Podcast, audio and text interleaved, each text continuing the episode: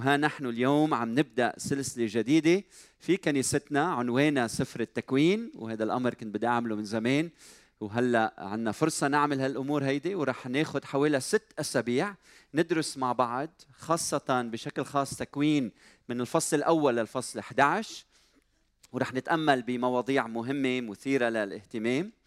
ولا أدري مدى معرفتكم بسفر التكوين لكن بتمنى إنكم تكونوا قاريينه لهذا السفر. أو عم تقروه أو رح تقروه. فبالأسابيع اللي جاية فيني أطلب منكم يا كنيستي إنكم تقروا سفر التكوين تتأملوا فيه تدرسوه. ومثل ما أنا اليوم رح أبدأ بشرحه إنه أنتم تتابعوا كمان بشرح والتأمل بهذا النص الجميل. آه، أخوتي سفر التكوين هو سفر البدايات. وبنسميه سفر البدايات لأنه هو سفر نشأة الخليقة. هو سفر بداية الكون. هو سفر آه، بداية الشعوب. بداية الخليقة بداية الإنسان بداية آه، شعب الله في القديم بداية الخطية بداية السقوط بداية الفداء بداية الزواج. ففي كثير بدايات بنسميه سفر البدايات. فسفر التكوين هو أول سفر في الكتاب المقدس هو أول سفر في العهد القديم. هو أول سفر هو أول مجلد بكتاب التوراة. بتعرفوا تكوين خروج لويين عدد تثنية هن كتاب واحد وهذا المجلد الأول في كتاب التوراة. والفصل الأول هو الفصل الافتتاحي المهيب يلي بيحتاج للتأمل وللدرس لكل الكتاب المقدس ونرى بصماته وتأثيره على كل نواحي الكتاب المقدس حتى الكتب التاريخية غير القانونية. بنشوف أنها تأثرت بهيدا النص العظيم المهيب الجميل جدا جدا. ويبدأ هذا السفر بهيدي الآية المشهورة في البدء خلق الله السماوات والأرض. قولوا معي في البدء خلق الله السماوات والأرض. فالفصل الأول بيبدأ في البدء خلق الله السماوات والأرض وبينتهي بخلق الإنسان. فبيبدأ بفكرتين رئيسيتين. اولا الله الخالق وثانيا الإنسان خلقه. والإنسان هو رقم اثنين وما زال الإنسان رقم اثنين ما في مشكلة. مشكلة الإنسان إنه بده يكون شو؟ رقم واحد وهون بتوقع المشكلة إن كان بالبيت أو بالمجتمع أو بالشغل أو بحياتنا أو وين ما كنا. فبيبدأ بالحقيقة أن الله هو الخالق وبينتهي الفصل الأول بالإنسان آه، خلقه. وهنا تبدأ رواية العلاقة بين هذا الإله الأب المحب الخالق والإنسان المتمرد أو التائب والعائد إليه وبتبدأ هيدي الرحلة الطويلة اللي هي مستمرة إلى الآن وأنت وأنا كلنا جزء من هذه الرواية آه، العظيمة. فإذا رغبنا انه نقسم آه، سفر التكوين فبقول أنا باختصار شديد إنه الفصل الأول بيحكي عن أصل الخليقة نشأة الخليقة. الفصل الثاني للفصل 11 يتكلم عن أصل البشرية يعني تكوين الشعوب.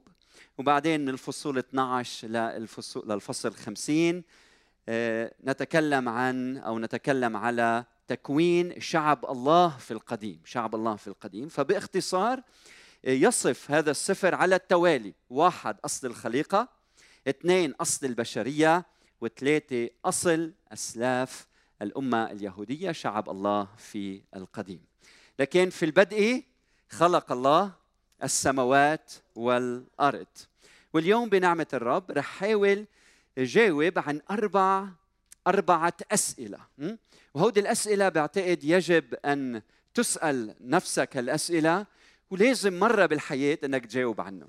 بالقليله مرة يكون عندك اطلاع على هيدي الأمور المهمة ورح أتعمق في النص فأرجو الانتباه لحتى تكون مفيدة لحياتنا.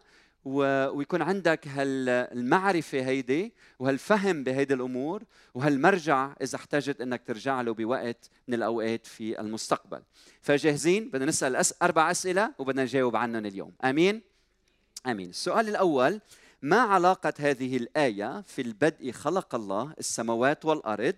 ما علاقة هذه الآية بالفصل الأول بكامله بكامله. الجواب هو أنه هل العبارة هالتصريح هالآية هالجملة في البدء خلق الله السماوات والأرض هي ملخص الفصل كله. هي مثل العنوان العريض لكل ما سيأتي.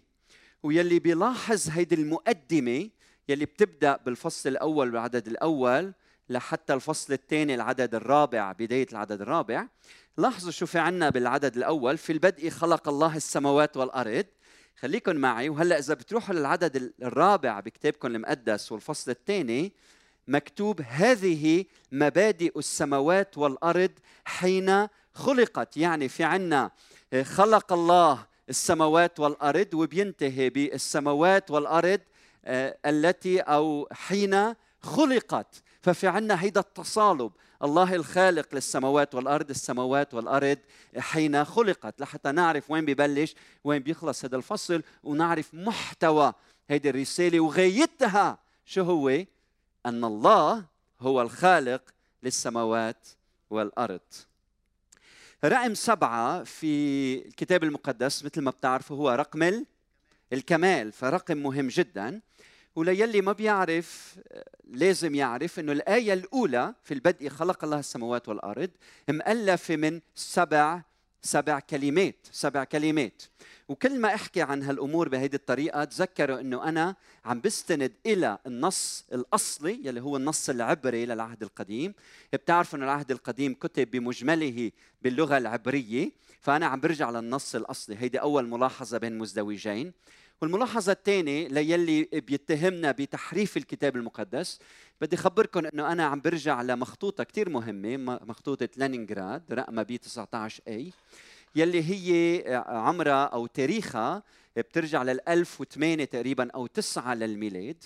لكن نص هيدي المخطوطة أقدم بكثير وكيف بنعرف هالشيء؟ لأنه لما اكتشفنا المخطوطات مخطوطات قمران قرب البحر الميت بين 1946 و 1956 وجدنا مخطوطات كثيرة تعود إلى القرن الأول والثاني قبل الميلاد ومن ضمنها مخطوطات لسفر التكوين ولما قرناها مع مخطوطة لينينغراد وجدنا دقة النسخ وكيف التطابق الموجود بين المخطوطات القديمة وهيدا النص ونص هالمخطوطات هيدي نصها يعود إلى القرن الخامس قبل الميلاد.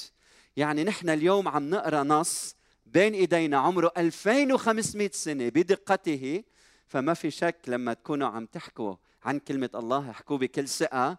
ويلي بيتهم الكتاب المقدس بالتحريف ما في عنده استناد علمي لهذه الأمور هيدي. فمهم تعرفوها نحن وعم ندرس هذا السفر. فمنرجع للآية الأولى التي تقول في البدء خلق الله السماوات والأرض ومؤلفه من آه، سبعة أو سبع كلمات. في البدء هي كلمة واحدة في العبري خلق الله السماوات كلمتين وهي حرف عطف وأكثر من هيك والأرض بيطلعوا سبع سبع كلمات. بعدين العدد الثاني مؤلف من سبع كلمات زائد سبع كلمات. وبعدين ليلي بحب التفاصيل ويدخل بهالأمور هيدي. حتى العدد الأول مؤلف من 28 حرف يلي هن سبعة ضرب ضرب أربعة. ونقرأ أيضا أنه الله خلق آه، بسبع في عبارة سبع أيام في رقم سبعة وهنا أمر مهم تشديد على كمال ما خلق. وبعدين في عنا في نهاية هالرواية نقرأ أن الله فرغ في اليوم أي يوم؟ السابع من عمله وبعدين فاستراح في اليوم؟ السابع. وبارك الله اليوم السابع وقدسه. إذا أنتم بتعرفوا بالكتاب المقدس أنه أول أمر يقدس الرب هو السبت هو هيدا اليوم السابع السابع. فرقم سبعة مهم جدا. لحتى يشير إلى أمر مهم يجب أن ننتبه إليه. وكمان منلاحظ أنه مثلا صيغة التحقيق تحقيق الأمر بالفصل الأول. يعني لما الله يؤمر بشيء لما يقول ليكن نور وكان نور وكان كذلك صيغة تحقيق الأمر كمان بنلاحظ إنه موجودة كم مرة؟ سبع سبع مرات. فلاحظوا معي إذا هلأ بنرجع لسفر التكوين واحد ثلاثة وقال الله ليكن نور فكان تحقيق الأمر صار فكان نور هي أول مرة. بعدين فعمل بالعدد السابع من الفصل الأول للي عم يسمعنا ومش عم بيشوف الشاشة. فعمل الله الجلد وفصل بين المياه التي تحت الجلد والمياه التي فوق الجلد وكان كذلك. هيدي تاني مرة منشوف تحقيق الأمر. منتابع بالعدد التاسع من الفصل الأول وقال الله لتجتمع المياه تحت السماء إلى مكان واحد. ولتظهر اليابسة. وكان كذلك هيدي ثالث مرة. والعدد 11 وقال الله لتنبت الأرض عشبا وبقلا آه، وبقلا يبزر بزرا. شو صار؟ فكان كذلك. هيدي أي مرة؟ رابع مرة. منتابع وقال الله لتكن الأعداد 14 و 15 لتكن أنوار في جلد السماء. والعدد 15 وتكون أنوارا في جلد السماء لتنير على الأرض. وكان كذلك. قد صاروا يا شاطرين؟ خمس مرات. آه، تكوين 24 واحد 24 وقال الله لتخرج الأرض ذوات أنفس حية كجنسها بهائم ودبابات ما يدب على الأرض ووحوش أرض كأجناسها. وكان كذلك تحقق تحققت كلمة الله. سادس مرة. وأخيرا بالعدد 30 ولكل حيوان الأرض وكل طير السماء وكل دبابة على الأرض فيها نفس حية أعطيت كل عشب أخضر طعاما وكان كذلك سبع مرات. وأنا عم بتأمل بهذا النص قلت أنا طيب وماذا عن آه، كل ما صنعه كان حسنا عبارة حسنا؟ هل كمان بتورد؟ كم مرة بتورد في النص؟ فاطلعوا معي. إذا بنروح على تكوين واحد أربعة. وراء الله أن أن النور أن النور وراء الله النور أنه حسن أنه حسن. رأى أنه حسن. هيدي أول مرة. طيب روحوا معي على العدد العاشر. وضع الله اليابس أرضا ومجتمع المياه دعاها بحارا. وشوفي عنا هلأ. ورأى الله ذلك أنه حسن. ثاني مرة. أنه حسن.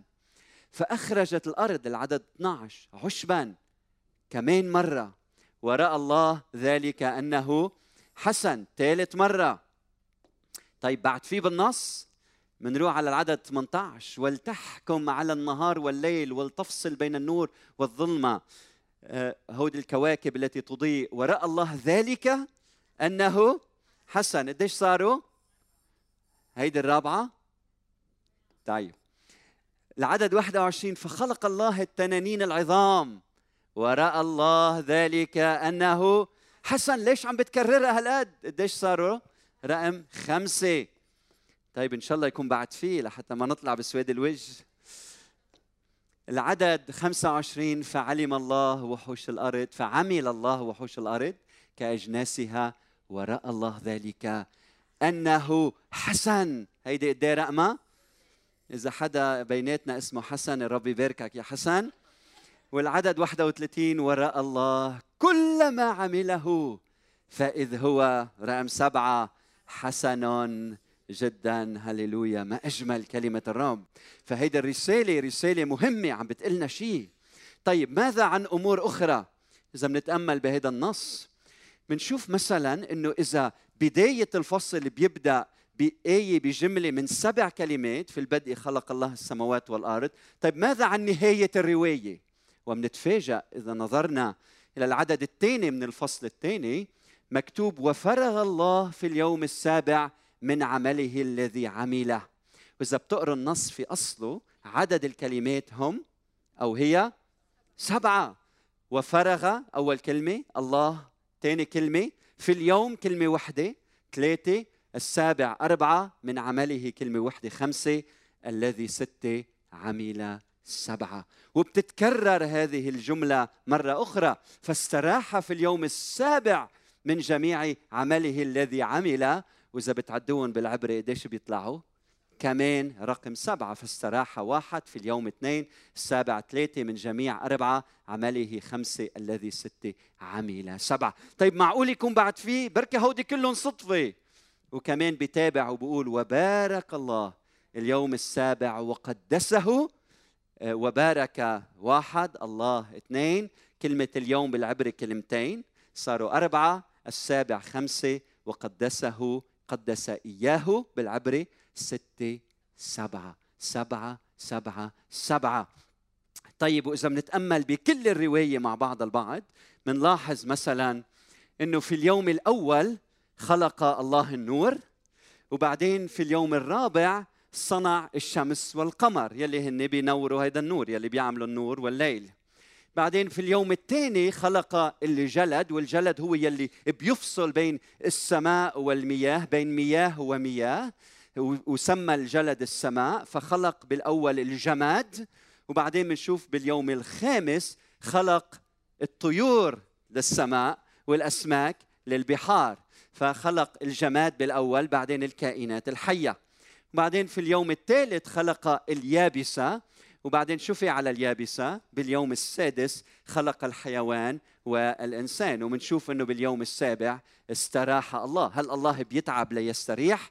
لكن كل هيدي الرواية انتبهوا معي نحن هلأ قدام لوحة فنية قدام لوحة أدبية آه، آه، لوحة بتحمل معاني مجازية. عندنا رواية نثرية لاهوتية بتحمل حقائق تاريخية حقيقية جدا بتعكس مبادئ إلهية وهيدي الرواية مكتوبة بصيغة بأدب بترتيب معين بتنظيم معين بطريقة لحتى نفهمها ونفهم البلاغة اللي فيها والاستعارات والمجاز. بهدف ليس إنه نكتشف متى خلق الله وكيف خلق الله لحتى نكتشف خلف لكن لحتى نكتشف خلف هذه اللوحة الله المبدع الخالق كل شيء. فهيدي الرسمة قدامنا مش حتى نلتهي فيها بمعنى إنه نسأل ونفكر إنه هل هل هالفصل الأول كأنه هو تحليل مخبري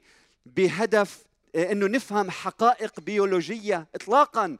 الهدف من هالرسمة هيدي إنه نكتشف الرسام الذي يقف خلف هيدي الرسمة ولحتى نكتشف الشاعر يلي ألف وجود هيدي الخليقة بطريقة عجائبية. فهدف الفصل الأول هو كشف من يقف خلف الخليقة.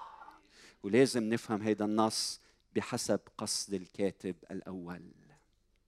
فنحن قدامنا هذه التحفة الفنية يلي بتعكس حقائق تاريخية. خلق الله السماء والأرض حقائق. دخل الزمن.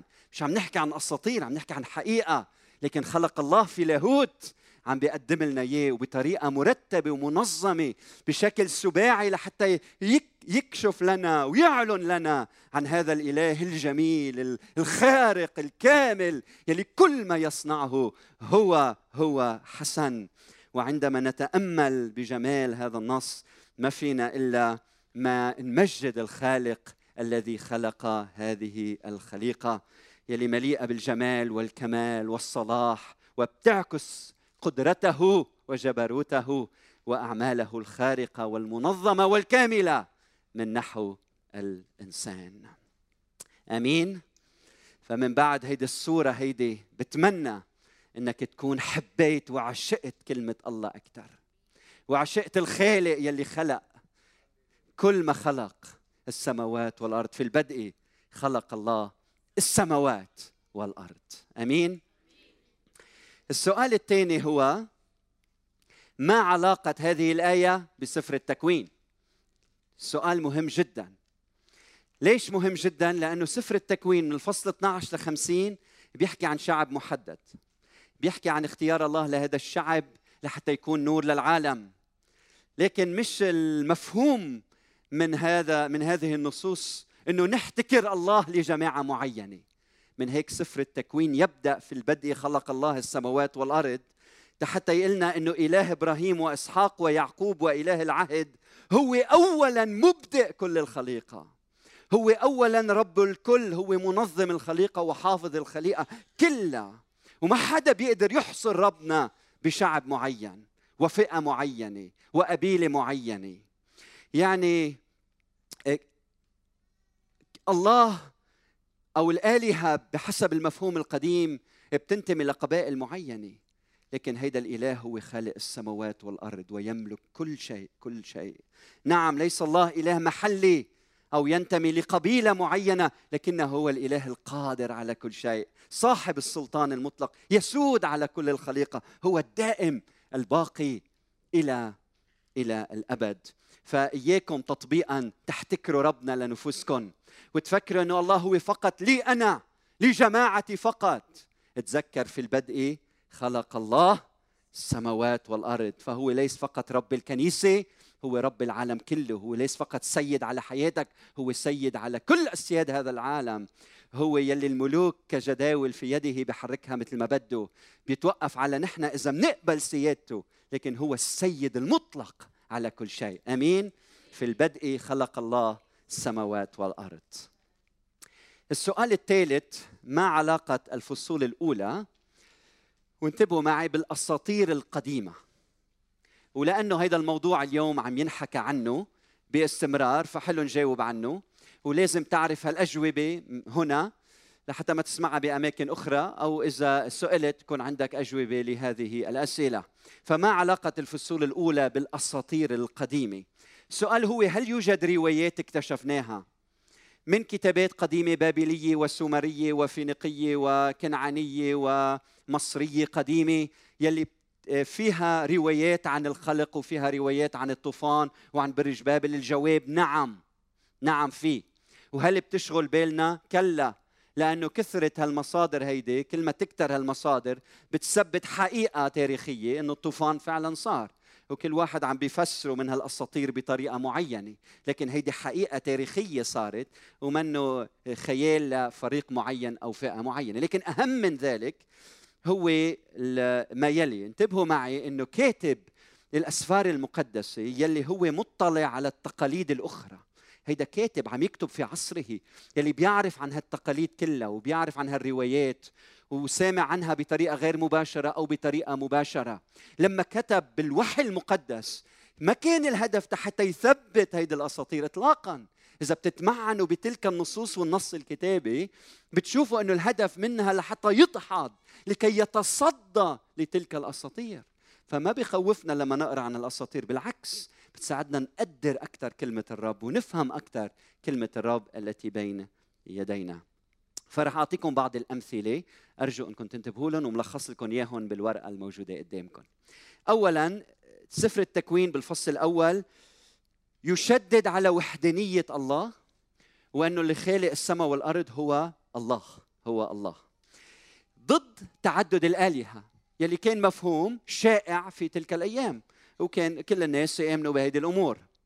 ويعني المخلوقات يلي هي الله اللي خلقها التي كانت تعبد في الماضي سفر التكوين عم بالنا هي مجرد شو؟ مخلوقات مخلوقات. الملاحظة الثانية مثلا في بعض الأساطير التنانين العظام كانوا بيشبهوا بتحسهم مثل الآلهة عم بيحاربوا الآلهة الكنعانيين وبعدين الآلهة آلهة الكنعانيين انتصروا عليهم. بس كان في حرب. لكن لما بتروح إلى سفر التكوين والعدد 21 بتشوف بكل بساطة الله الخالق هو يلي خلق هيدي الحيوانات. هو صاحب السلطة المطلق. عليها كلها.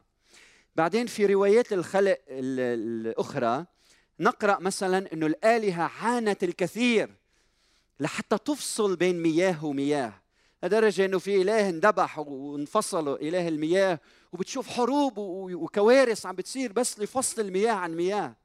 لكن لما بتجي إلى النص الكتابي مثلا العدد السادس من الفصل الأول مكتوب وقال الله ليكن فاصل فكان كذلك.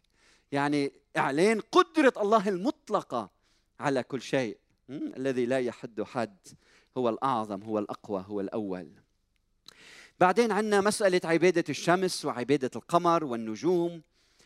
كل هيدي الأمور كانت أشياء طبيعية في هذيك الأيام. اليوم بتستغرب مين مين مين مين, مين بيعبد الشمس؟ بأيامنا ببلادنا خاصة بالبلاد اللي نحن عايشين فيها. لكن بالماضي سوريا وفينيقيا وكل هالمنطقة هيدي كانت عبادة الشمس عبادة موجودة في كل مكان. لكن كلمة الرب هنا في هالإعلان المقدس إنه هالكواكب كلها صنع مين؟ هي مخلوقات. كانوا يفكروا إنه هالشمس أزلي الشمس أزلية.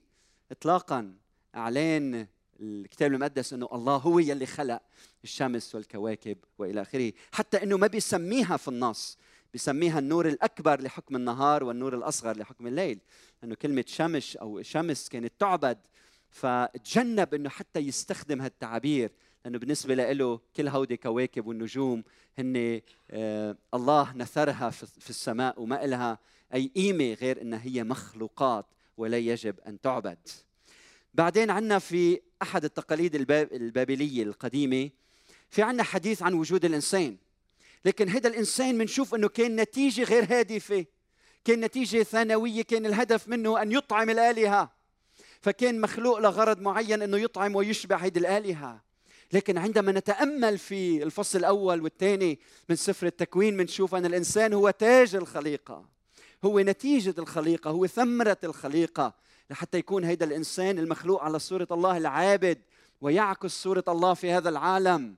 ويكون هو عم يعبد الله من خلال تأمله في هذه الخليقة. بعدين كل الشعوذات والمصطلحات السحرية يلي بنشوفها في الكتابات القديمة كتابات ما بين النهرين غائبة من سفر التكوين بالكامل لأنه بنشوف إنه الله بالكلمة يقول فيكون فهو الصاحب السلطان المطلق. الله ضد هالمصطلحات السحرية والشعوذات يلي ما لها طعمه يلي بيتمسكوا فيها اللي بيعبدوا الآلهة الأخرى. بعدين عندنا مثلا قصة برج بابل وبينحكى عنها كثير يلي مذكورة بالكتابات القديمة يلي فيها هالكتابات ما بين النهرين تعظم بابل كونها محور الحضارات كلها. وأكثر من هيك وأن برج هيكلها هو باب السماء. هو باب السماء. إنما كاتب سفر التكوين يشير إلى أنه بابل بابل منا الباب؟ باب الباب ها؟ بيشبهوا بعضهم. منا باب السماء؟ إنما كلمة بابل بتعني بلبلة وبتعني الجنون. وقد ما يجرب الإنسان يطلع إلى الله لن يصل إليه بكبريائه وبجنون العظمه اللي عنده. بيبقى الإنسان تراب وإنسان. ولما كان الله يريد أن. أن يرى هيدي المدينة يلي عم تدعي إنه برجها ضرب السماء يقول الكتاب بأنه نزل ليرى المدينة بطريقة فيها سخرية لأنه قد ما تطلع يا إنسان بتضلك وين؟ بتضلك تحت. ففي كشف جديد. نعم هالروايات موجودة في أماكن أخرى لكن الكتاب المقدس يعلن حقيقة ما يقف وماذا يحدث خلف هذه الروايات. بعدين رقم ثمانية عندي وعندكم. كان البابليون والكنعانيون يمارسون الجنس وأمور غير مقدسة من الدعارة وغيرها كجزء من عبادتهم. وكانوا يامنوا إنه الآلهة عملت علاقات مع نساء وكانت النتيجة إنه هيدا الأمر مهم ليه؟ لأنه بيضمن صحة الشعوب وبيضمن خصوبة الأرض فكان هيدا الشيء إيجابي لكن لما نتأمل بسفر التكوين بنشوف أنه الله أنه هيدي الأمور قوبلت بالرفض والاشمئزاز وأدت ليس إلى الازدهار مثل ما كانوا يفكروا يلي بيعبدوا آلهة أخرى لكن أدت إلى ماذا؟ إلى دينونة الله إلى طوفان. مجيء الطوفان؟ كان نتيجة خطية آه، هذه الشعوب. وبعدين بنشوف كيف انه الطوفان وهلأ إذا بدنا نحكي عن آه، الطوفان بتعرفوا إنه في روايات روايات ما بين النهرين كمان بتحكي عن الطوفان مثل ما بنشوف بالكتاب المقدس وفي تشابه. لكن في شيء كثير مهم لازم تعرفوه إنه هيدي الروايات تقول إنه هيدي الآلهة لما نظرت إلى الأرض انزعجت. من ضجيج البشر ومن كثافة سكانها. وقالت بدها تجلب الطوفان عليهم لأنه انزعجوا منهم. لكن نوح هيدا الشخص يلي كان يعبد آلهة أخرى ما كانت تآمن بالطوفان وما بدها الطوفان فهربوا. ومن هيك كان هو بأمان. وبعدين لما الطوفان إجا بيقول إنه الآلهة فقدت السيطرة على الطوفان لدرجة إنه ارتعبت منه للطوفان. وهيدا الأمر بيختلف تماما عما يعلم الكتاب المقدس إنه هيدي هيدي الحقيقة اللي صارت الاختبار اللي صار هو اولا بأمر من الله وإنه الله ما بيفقد السيطرة من شيء على شيء إنما هو الله أمر بذلك وكل شيء تحت سيطرته. وأكثر من هيك إنه هيدا الأمر مش لأنه الله انزعج من البشرية هيدا بسبب خطية الإنسان بسبب تمرد الإنسان. فكيف في كشف لحقيقة جديدة؟ وهذا الكاتب ملهم بالروح لكي يعلن مشيئة الله للإنسان. أخيرا حاولت الآلهة منع البشرية عن النمو. إذا بتتاملوا بهذه النصوص أما في سفر التكوين الله يبارك التكاثر والنمو وبده خير البشر ويريد بركة الإنسان. فخلاصة ما قلت لازم تنتبهوا الفرق الكبير بين سفر التكوين والكتابات الأخرى. يؤكد سفر التكوين واحد وحدانية الله مقابل تعدد الآلهة. سفر التكوين يشدد على عدالة الله عوضا عن نزوات الآلهة المتقلبة. رقم ثلاثة يشدد على قوة الله الضابط لكل شيء ومش على الآلهة الضعيفة العاجزة. وأخيرا يكشف لنا اهتمام الله بالخليقة عوضا عن استغلاله للخليقة. فأنتم عم تعبدوا إله حي إله حاضر معكم إله يعتني بالخليقة إله قادر على كل شيء. إله مبارك إله يبارك الإنسان ويريد خير الإنسان. آمين. هللويا. وهلأ بنجي إلى السؤال الأخير ما علاقة هذه الآية بنا اليوم؟ ما علاقة هذه الآية بنا اليوم؟ شو علاقة في البدء خلق الله السماوات والأرض فيك؟ لأنه هالأمور الثانية اللي لها علاقة بالأساطير القديمة اليوم غائبة عنا. بمجتمع اللي نحن عايشين فيه. انتبه معي. أول شيء لما يقول الكتاب المقدس أن الله خلق السماوات والأرض يعني الله أعلن ذاته من خلال الطبيعة. ولما الله يقوم بالعمل ويعلن ذاته يستطيع الإنسان أن يكتشفه ويختبره. لأنه أنت ما فيك توصل لله لكن لما الله بادر بخلق الخليقة أنت تستطيع من خلال التأمل والصلاة ومنعرف العهد الجديد بابنه يسوع المسيح إنك أنت تختبر وتكتشف الله. آمين؟ هيدا شيء كثير مهم. رقم اثنين الفصل الأول بيكشف لنا إنه الله ليس قوة. من هيك يقول وقال الله. الله شخص. الله منه شجرة بنعبده الله إله حي منه صنم لا يتكلم انتبهوا هو إله حي. اله حي فأنت عم تعبد اله حي. أنت مش عم تعبد قوة أنت عم تعبد شخص اله حي. خلق الإنسان على صورته على شبهه. رقم ثلاثة هل تقدر الجمال الموجود في العالم؟ هل تقدر الجمال في الطبيعة؟ هل بتشوف إنك أنت بهذا الكون هيدا امتياز؟ وأيضا مسؤولية؟ في ناس ما بحسوا هذا الشيء امتياز. امتياز إنه الله أمن لنا خليقة. امتياز. وأكثر من هيك وأيضا مسؤولية. فأنا عندي مسؤولية أن أهتم بهذه الخليقة. في البدء خلق الله السماوات والأرض. هذا ما صار بطريقة اعتباطية. الله اللي خلق. فأنا لازم أعتني بهذه الخليقة ولازم أشعر بهذا الامتياز الكبير أنا أكون جزء منها. بعدين لأنه الله هو الذي خلق. اذا المعجزات سهلة. اللي بفكر بصعوبة المعجزات الله خلق السماوات والأرض. يعني يلي خلق المياه لا يستطيع أن يرويك ويرويك. يلي خلق السماء والأرض لا يستطيع أن يحول الماء إلى خمر. يلي خلق المياه من لا شيء ما بيقدر يحول الماء إلى خمر. يلي خلق كل هالنباتات لا يستطيع أن يؤمن لك احتياجاتك اليومية. يلي خلق كل هالامور هيدي لا يستطيع أن يشبع الخمسة آلاف فلما تفهم أن الله خلق كل شيء صارت المعجزة عمل بسيط. الله يقوم به لأنه العمل الأعظم والأهم الله قام به. مع أنه سفر التكوين الفصل الأول ما بيقول إنه الله خلق من العدم الكتاب المقدس يعلن عن ذلك إنه الله خلق كل شيء من لا شيء. فهيدا العمل الخارق يلي قام به الله لما بتفهمه ساعتها المعجزة صارت سهلة جدا في حياتك. طيب ماذا عن المرض؟ هل الله قادر إنه يشفيك؟ يلي خلق السماء والأرض قادر إنه يشفيك شو الجواب؟ أكيد قادر يعطيك قلب جديد فكر جديد ضمير خليقة جديدة يصنعك من جديد. أمين. تأتي إليه تقول له يا رب أنا عندي كل الإيمان بشخصك. حتى لو كل الأطباء قالوا غير هيك. كم من مرة بتروح عند الطبيب بيقول الطبيب لشخص عندك بعد كم شهر أو كم أسبوع لتعيش وبيعيش عشرين سنة. وكمان كم من مرة بيروح شخص عند طبيب وبيقول له التحاليل كلها جيدة جدا وأنت بطل. ما بيضاين 24 ساعة لأنه الحياة كلها بإيد مين؟ الخالق يلي خلق السماء والأرض. فما تخاف من لا شيء ما تخاف من أي شيء لأنه لك إله خلق السماوات والأرض.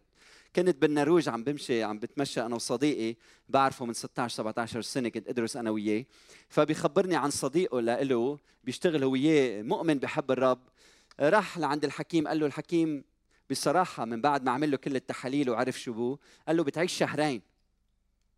لكن قال لي بعده بيجي على الشغل ونشيط وما بشي سألته قديش صار له قديش صار له هالخبرية؟ قال لي صار لها أكثر من خمس سنين. أكثر من خمس سنين؟ قال له الحكيم بتعيش لك شهرين. إيه؟ الهنا خلق السماوات والأرض هو قادر أن يصنع المعجزات في حياتك. طيب ماذا عن مشاكل حياتك بالنسبة لمعجزات الله؟ هل هيدا الشيء صعب عنه الله يحل مشاكل حياتنا؟ فلا تخف في البدء خلق الله السماوات والأرض يعتني بك. ما تخاف من مستقبلك لأنه يلي خلق السماوات والأرض يرى المستقبل. ما تخاف من مستقبل اولادك ولا أحفادك كن بسلام. ما تخاف من الموت لأنه الله خلق السماوات والأرض. لا تخف لا تخف لأنه إلهنا هو الخالق. طيب هل المستقبل مجهول بالنسبة لك؟ عش كطفل بين يديه. بين يدين هالخالق يلي خلق هالسماء والأرض؟ عيش كطفل. تنعم مثل مثل ابن قاعد بحضن بيه. وبيك هيدا هو بيك السماوي. كنت جاي أنا وبنتي من قبرص مرة من المرات على هالطيارة. ونحن وجايين بنتي حاطة عم تسمع موسيقى وماسكه إيدي. وفجأة الطيارة بتهبط. ناس بتصرخ من ورا. واللي صار سألت قبطان قائد الطيارة فيما بعد خبرني إنه شيء الهواء السخن والمسقع فاتوا ببعضهم وصار ما صار. مهم لما هبطت الطيارة الكل خاف. لكن بنتي اللي عم تسمع موسيقى ومسكت لي إيدي بسلام ما حست بشيء لأنه بي حد منا وشاعرة بهالسلام. قلت أنا هيك أنا بدي اكون في حضن بي السماوي.